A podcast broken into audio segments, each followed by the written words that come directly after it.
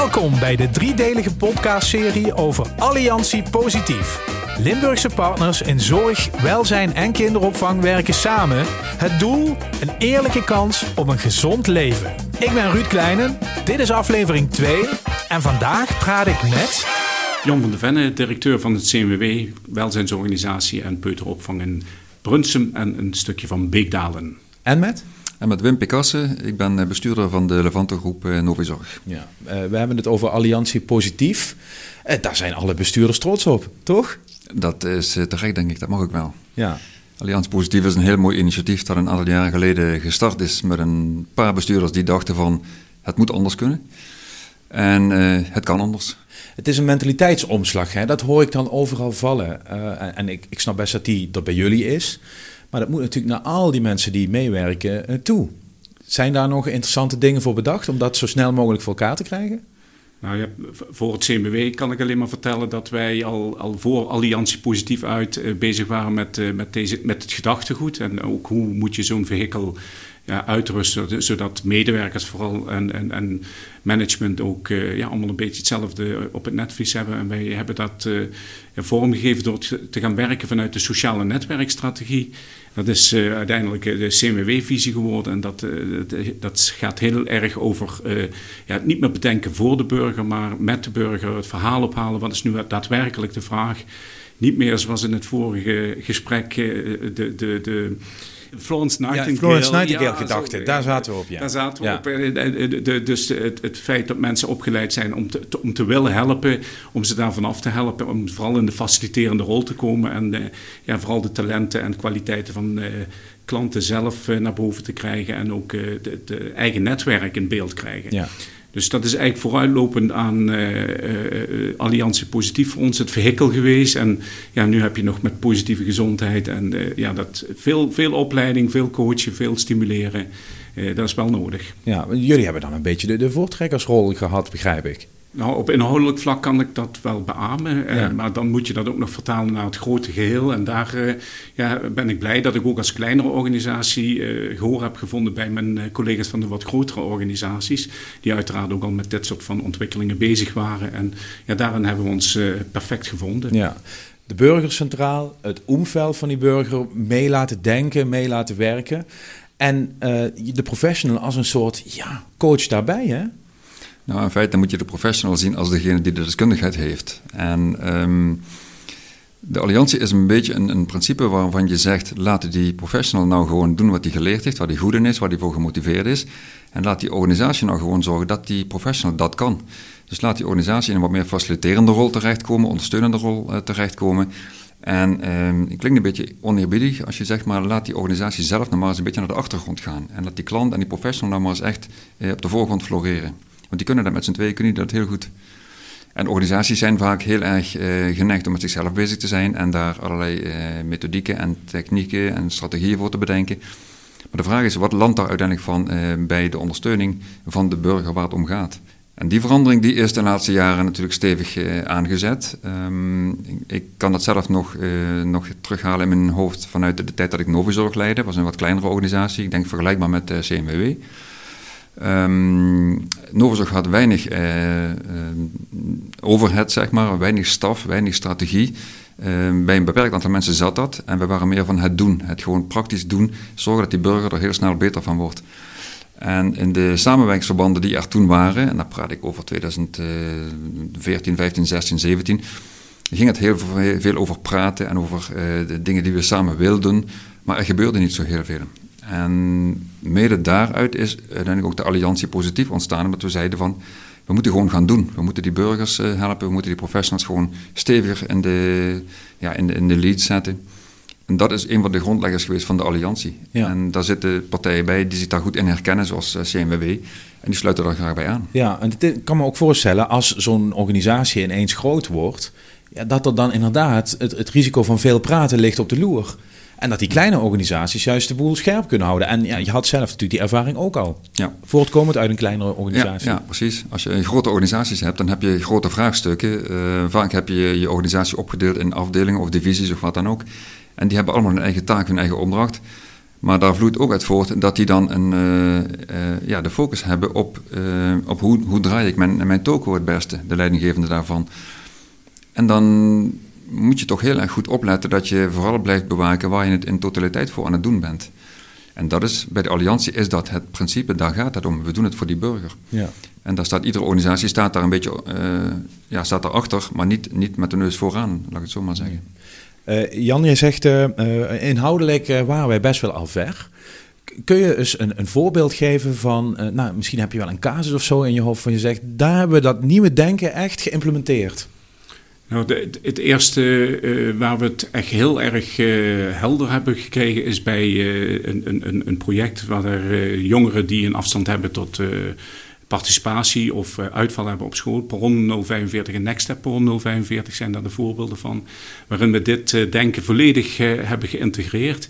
En dat betekent dat jongeren die niet meer naar school gaan, thuis hangen bij ouders, waar ouders het ook niet meer weten, die pikken we op met eh, het jeugd- en jongerenwerk of eh, als ze via onderwijs komen, dan gaan we eh, proactief op af.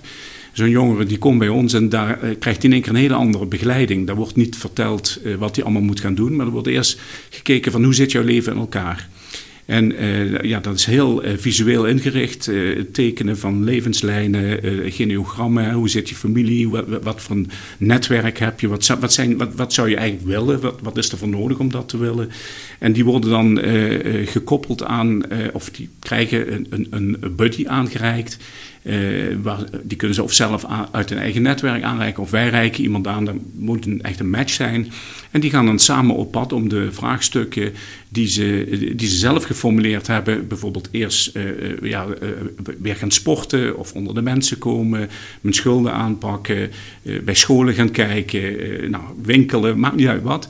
En daar, daar, gaan, ze, daar gaan ze aan de slag. En nou, daar hebben we de meest mooie verhalen van teruggekregen van jongeren die dan echt aangeven, nou geweldig deze benadering, anders was ik nooit, hè, die hadden dan ook al voorin met de ISD Bol, met de sociale dienst, hadden ze contacten gehad met andere hulpverleners, die allemaal kwamen vertellen wat ze moesten doen, dat leidde tot niks. En daar hebben we echt hele mooie voorbeelden van, van jongeren die echt uh, ja, eh, op de rails komen, uh, naar school teruggaan of, of aan het werk gaan, die dat ook ja, heel mooi vertellen, is ook onderzocht geworden door Oranje Fonds, die hebben dit voor een deel gefinancierd, deze projecten. En die hebben dat ook uh, met, met onderzoek uh, laten monitoren. Nou, dat zijn hele mooie verhalen uh, van, van jongeren die anders nooit meer op de, op de rails nee. terecht zijn, zouden komen, die nu ja, een geweldig mooie effect hebben. Ja, want ik begrijp die, die watertrappelen in een soort oceaan met problemen. En je, het enige wat jullie doen is eigenlijk samen gaan kijken van oké, okay, we gaan nu eerst dit oplossen en dat komt straks om die structuur erin te krijgen. Ja, dus en, en dat, kan, dat, is, dat is echt maatwerk. Hè? Dat is dus niet één uh, manier van aanpak en dit doen we zo. Nee, het is echt maatwerk. Wat is de eerste vraag die opgepakt moet worden? En het liefst, wat is de eerste vraag die jij op gaat pakken? En wat, moet, wat moeten wij leveren zodat jij dat kunt oppakken? Ja. Nou, dat, dat werkt uh, geweldig. Ja. Wim zit in een iets grotere organisatie. En net uitgelegd dat hij de, laat ik zeggen, niet lullen maar poetsen gedachte mm -hmm. er een beetje in probeert te brengen. Mm -hmm. Lukt dat, Wim? Heb je voorbeelden? Ja, natuurlijk. Wij hebben natuurlijk um, als ik even kijk naar de doelgroep lichamelijke eh, handicap, zijn mensen met lichamelijke beperkingen, dan uh, is dat een andere doelgroep dan waar Jan het over heeft. Jan heeft het over de jongeren, die, uh, ja, vaak jongere mensen die, die hun route nog moeten vinden. Wij hebben te maken met wat oudere doelgroepen. mensen met dementie, Parkinson bijvoorbeeld, die, die krijgen ergens in de loop van hun leven ja, zo'n moment te verwerken dat ze een ziekte hebben waar ze van weten dat dat niet beter gaat worden, alleen maar slechter.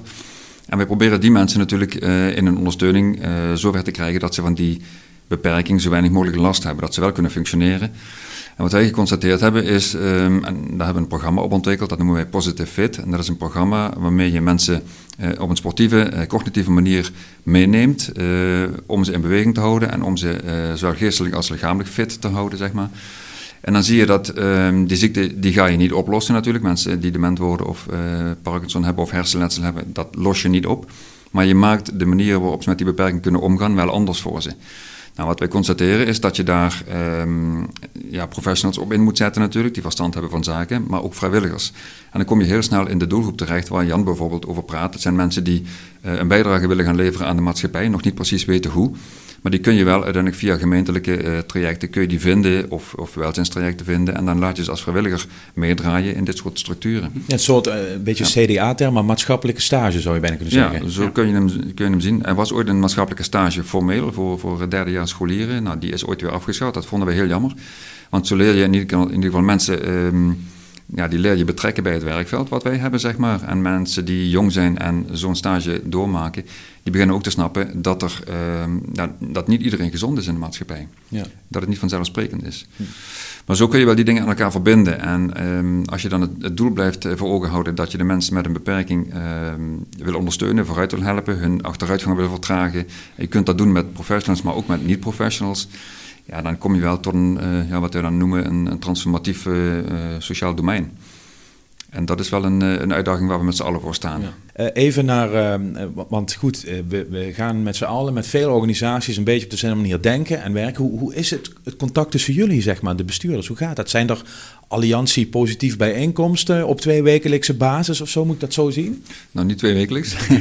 we hebben die bijeenkomsten wel, uiteraard. die zijn volgens mij maandelijks, zes wekelijks. Um, maar het is niet zozeer dat je naar de bestuurders moet kijken hiervoor. De bestuurders het zijn in dit geval de mensen die eh, bereid zijn om hun organisatie even op de tweede plaats te zetten en het gedachtegoed op de eerste plaats. Nou, daar vind je nu een aantal bestuurders van die daar gewoon stappen in willen zetten. Maar eh, eerlijk is eerlijk, de mensen die eh, achter de bestuurders staan, dat zijn de beleidsmedewerkers, de leidinggevenden, de uitvoerende mensen, die moeten het natuurlijk doen. En die vinden elkaar gelukkig veel vaker dan één keer per zes weken. Die hebben gewoon veel vaker contact met elkaar. Die sparren ook, die uh, wisselen informatie uit, die wisselen goede ervaringen uit. Projecten die ergens goed succesvol zijn geweest, worden gedeeld. Uh, maar, maar, maar, kenden ze elkaar al? Of, is het juist door die alliantie positief dat die met elkaar in contact komen? Uh, deels, deels. Ze kenden elkaar voor een deel omdat we natuurlijk ook in, in samenwerksverbanden zitten op basis van wat gemeentelijke aanbestedingen heeft veroorzaakt, zeg maar. Um, maar er zijn ook nieuwe contacten gelegd. En wat, wat bijzonder is in dit speelveld is altijd de verbinding tussen welzijn en zorg. Hè? Want daar dat zijn van oudsher niet uh, heel vanzelfsprekende verbindingen geweest, omdat uh, welzijnswerk vaak gemeentelijk georganiseerd was en zorg meestal regionaal of uh, provinciaal zelfs. Dus die verbindingen die zijn wel gelegd. En um, nou, je ziet bijvoorbeeld in, in Beekdalen, waar Jan in zit, ja, die stapt volledig in het netwerk waarin wij als zorgaanbieders ook zitten. In Heerlen zie je dat ook, maar er zijn ook gemeentes waar dat nog wat minder is, waar je die verbindingen echt moet, moet bouwen, zeg maar. Ja. Maar het feit dat je iemand aan tafel hebt zitten zoals Jan uh, met zijn club, uh, en, en ook in Heerlen is zo'n club aan tafel, dat maakt het wel een stuk eenvoudiger. Want die mensen die vinden elkaar gewoon. Ja, Jan, je bent aan het inspireren, begrijp ik. Ja, nou ja, ik vond dat heel mooi. De vorige keer werd uh, gezegd uh, geloven en dan, uh, en dan volgen. Maar, maar het is eerst wat Wim zegt doen. Hè. Wij zijn ook heel erg van het doen. ook durven doen. En uh, in, in, in, dat opzicht hebben wij in, in Brunsum zeg maar ook uh, al heel uh, vroegtijdig de samenwerking met zorg over en weer is dat gezocht geworden. Dus is nog een heel mooi voorbeeld wat ik toch wil benoemen. Is, uh, ja, er zijn ook altijd allerlei stimuleringsmaatregelen. Nieuwe Wegen GGZ. Hè. Nu heb je de juiste zorg op de juiste plek. Maar uit Nieuwe Wegen GGZ is onze eerste ontmoeting uh, geïntensiveerd met, uh, met Levanto. rond de doelgroep mensen met een GGZ-achtergrond. Voorheen zaten die mensen, dat was ja, georganiseerd op, op een aparte plek. door een organisatie die helemaal gefocust is op de hulpverlening van GGZ gemeente Brunsum heeft toen gemeend dat moeten wij ook uh, kunnen organiseren.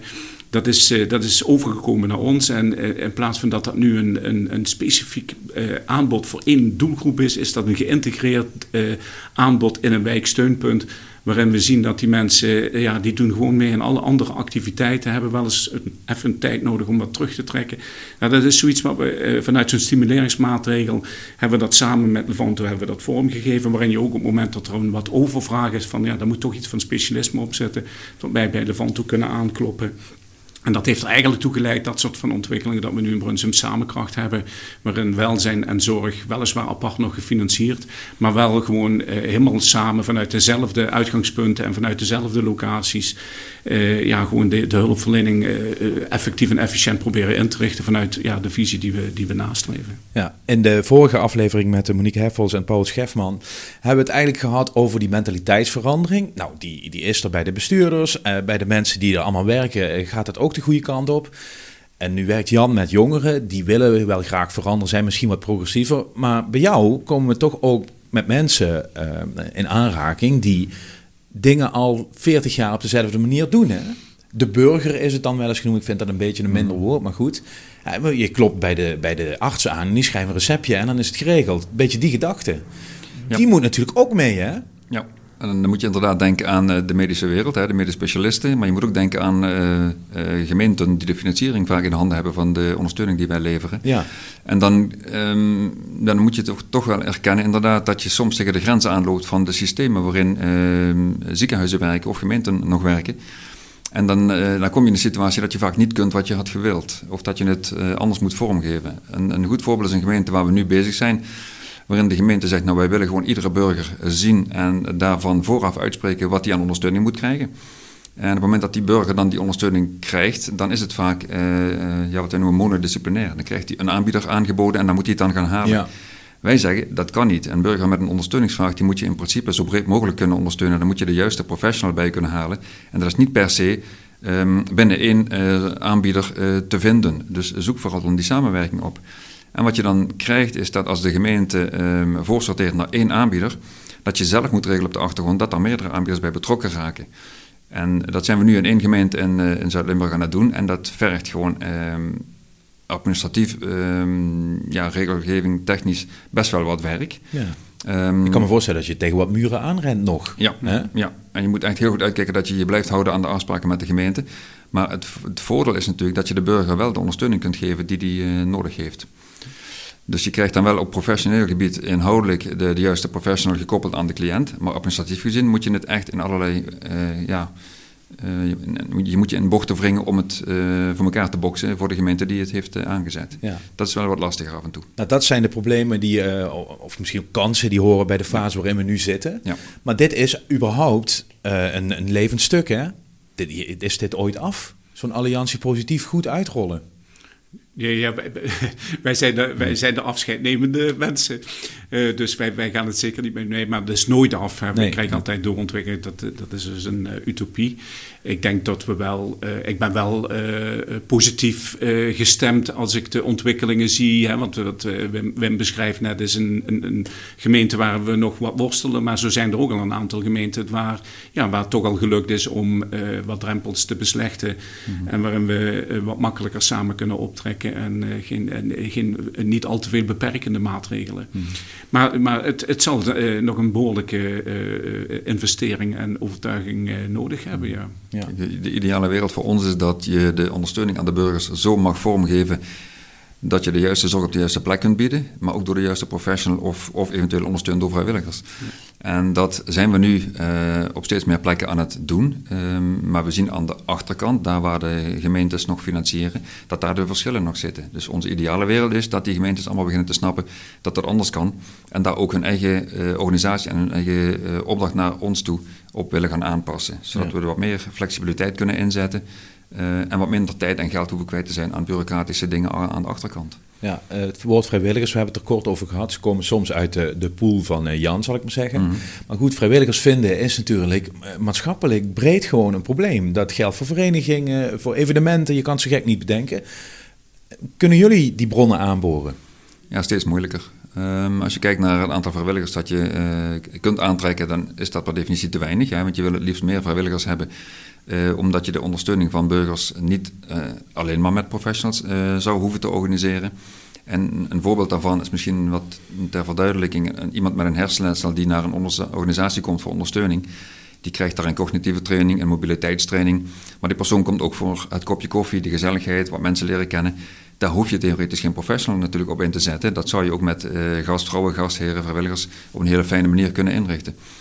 Maar de behoefte aan vrijwilligers, ja, die groeit natuurlijk niet alleen uh, bij de leden van de alliantie, maar die groeit in, in algemene zin, omdat um, ja, ook de tarieven die je van gemeenten ontvangt, ja, die zijn niet, niet heel royaal. Dus uiteindelijk moet je ook heel goed opletten, waar kan ik een prof professional nog op inzetten en waar past dat gewoon niet meer.